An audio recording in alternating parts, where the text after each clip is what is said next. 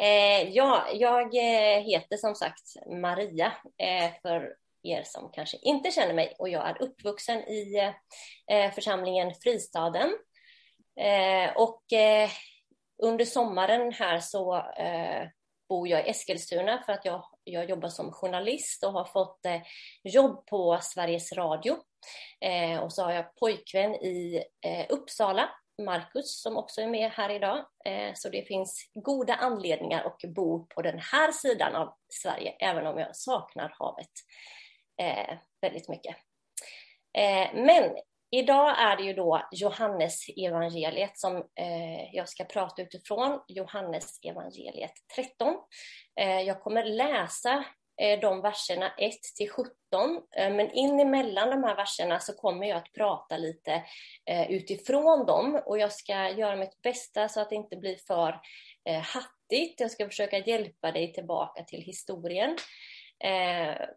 Och jag har också mina anteckningar här på skärmen så jag kommer inte alltid titta in i kameran utan jag kommer sänka min blick nu och då så att jag får stöd i mina anteckningar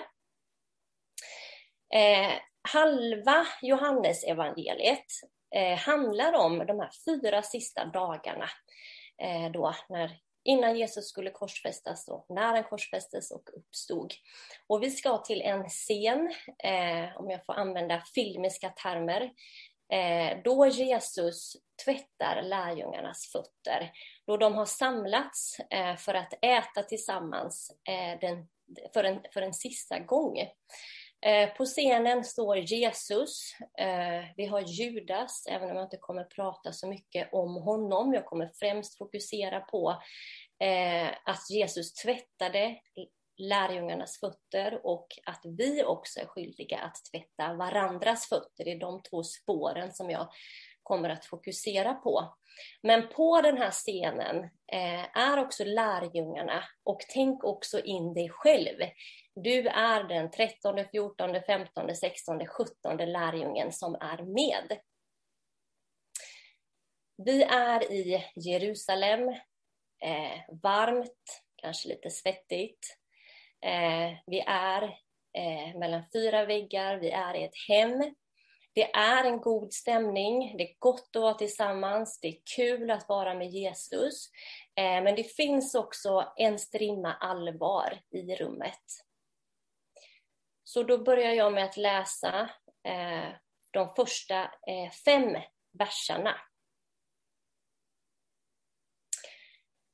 Påskhögtiden skulle snart börja och Jesus visste att hans stund nu hade kommit då han skulle lämna världen och återvända till sin fader. Han älskade sina egna som var i världen och han älskade dem in i det sista. De hade samlats för att äta tillsammans och djävulen hade redan ingett Judas, Simon Iskariots son, i hjärtat att förråda Jesus. Jesus visste att Fadern hade gett honom makt över allting och att han hade kommit ifrån Gud och att han skulle återvända till Gud. Så han reste sig nu från bordet, tog av sig manteln och virade en handduk om sig. Sedan hällde han vatten i ett handfat och började tvätta sina lärjungars fötter och torka dem med handduken som han hade virat om sig. Fottvätt var sed. Det var ingenting konstigt alls. Man kan läsa i Lukas eh, 7.44 Eh, då Jesus ger en liten eh, förmaning till, till Simon som han var hos. Och då säger han, när jag kom in i, din, i ditt hus gav du mig inget vatten till mina fötter.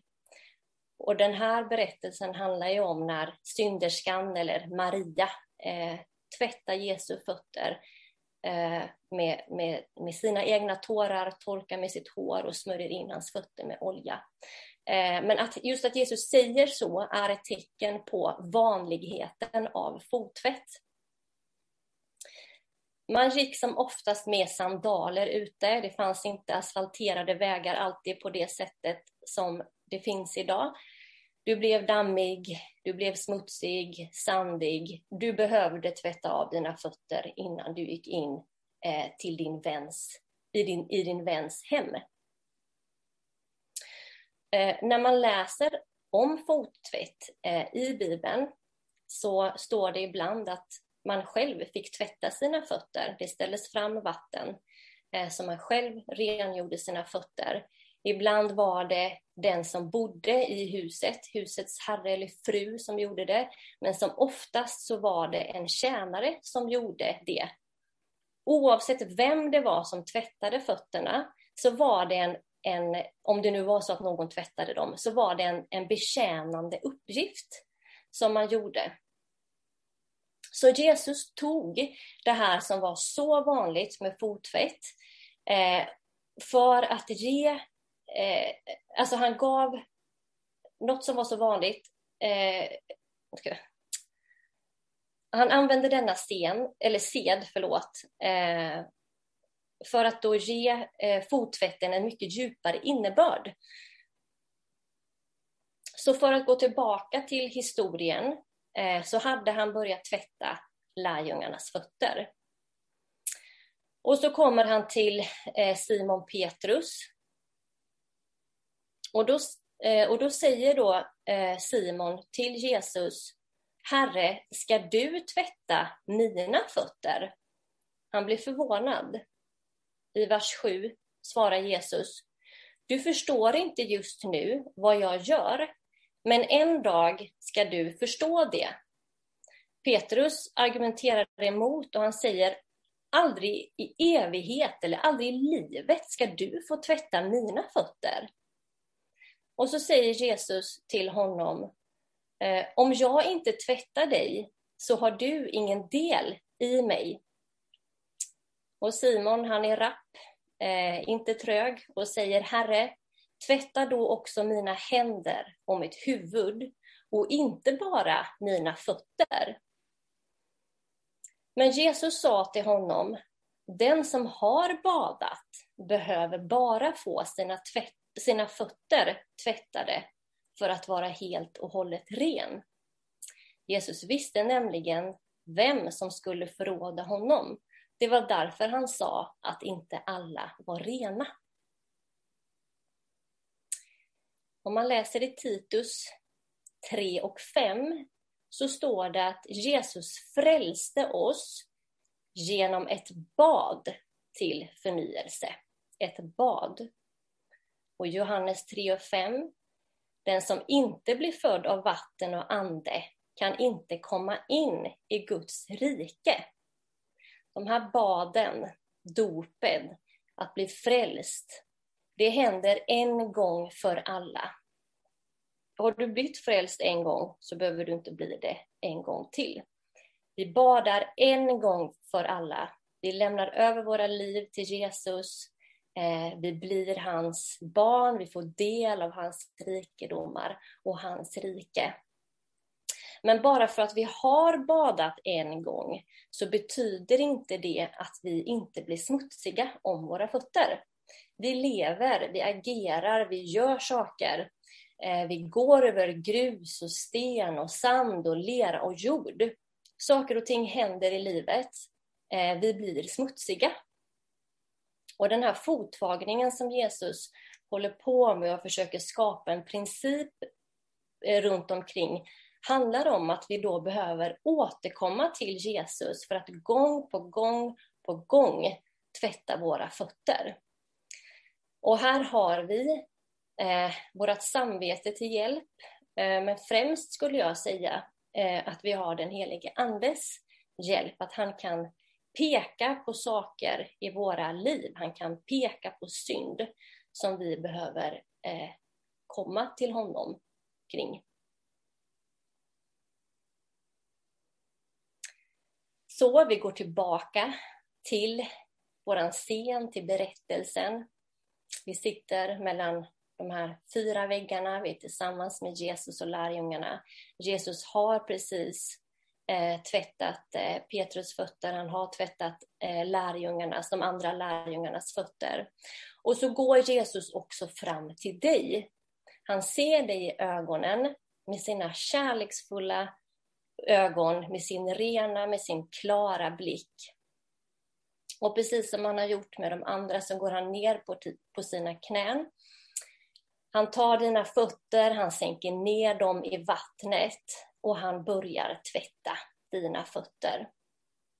Och han gör det med sina händer som han har lagt på andra människor, eh, på deras kroppar för att de ska bli helade. Han gör det med sina händer som han har, har, har förmerat eh, bröd och, och fiskar av. Det är mirakulösa händer som han har. Och när du sitter där och Jesus är framför dig och du sitter där med dina smutsiga fötter i badet så kanske du känner att du skäms, att de är jätteskitiga, eh, de kanske luktar svett, det kanske känns obekvämt eh, att han ser din smuts. Eh, du vill kanske rättfärdiggöra din smuts och gå in i försvar kring den diskutera kring den, försvara den. Eller så sitter du bara där och låter Jesus tvätta dina fötter. Det som är viktigt här att veta, det är att oavsett hur smutsiga de är eller oavsett hur mycket du skäms eller inte skäms, så vill Jesus tvätta dina fötter. Han vill. Han har gått ner på sina knän för att få tvätta sina fötter.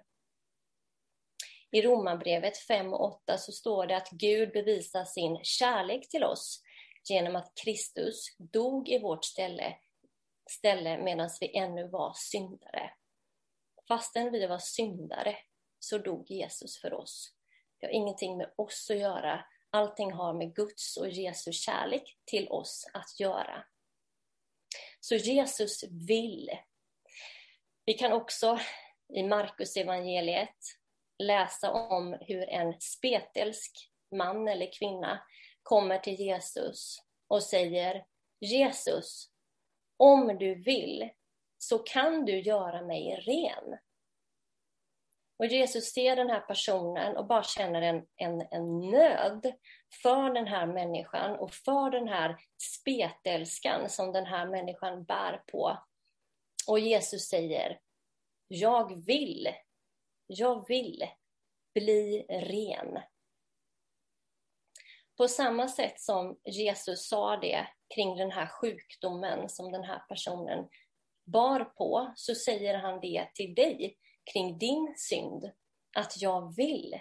Jag vill göra dig ren. Jag vill tvätta dig.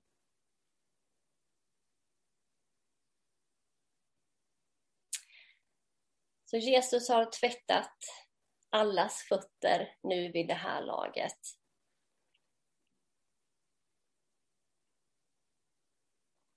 Och när han har gjort det, i vers 12 så står det så här. När Jesus hade tvättat deras fötter tog han på sig manteln igen och slog sig ner vid bordet. Och så frågade han dem, förstår ni vad jag har gjort med er? Ni kallar mig mästare och herre, och det är rätt att ni gör det, för det är vad jag är. Jesus är våran mästare, han är våran läromästare, han är våran herre. Och genom att vi har gjort honom till våran herre, så ger vi också honom auktoritet att tala in i våra liv och berätta för oss hur vi ska leva våra liv vers 14. Men om nu jag, som är er Herre och Mästare, har tvättat era fötter, då är ni också skyldiga att tvätta varandras fötter. Jag har gett er ett exempel att följa. Gör som jag har gjort mot er. Och vad var det då Jesus gjorde? Jo, han som var mästaren, kungen, de som eh, alla, eller många ska jag säga, inte alla, ödmjukade sig inför, tjänade. Det var han som reste sig från bordet. Han knyter en handduk om sig. Han häller upp vattnet. Han har tänkt ut att han vill göra den här saken. Han har planerat. Han böjer sig ner och han går över varenda fot. Och vad Jesus också gjorde var att han tog av sig sin mantel. Manteln behövde han plocka bort ifrån sin kropp för att kunna vara fri. Den ju, manteln var ju stor och täckte stora delar, eller kunde täcka, du kunde täcka stora delar av kroppen med manteln. Och för att vara fri så behövde han plocka av den. Det går inte att bygga ett hus om du har en kostym på dig. Du måste ha de rätta kläderna och du behöver vara fri och rörlig. Och manteln, som ni vet, eh, den var jätteviktig. Det var ett plagg som eh, skyddade mot kyla. Den kunde också då användas som täcke. Om du var fattig så kanske det var det enda täcke som du, som du ägde.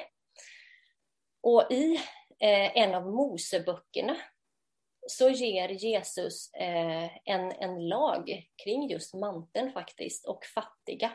Och han säger att eh, Gud sa då att om det är så att någon eh, fattig ger sin mantel i pant så måste den här personen, fattiga personen, få tillbaka panten, få tillbaka manteln innan solen har gått ner så att den fattiga personen kan få ha sitt täcke under natten, täcket.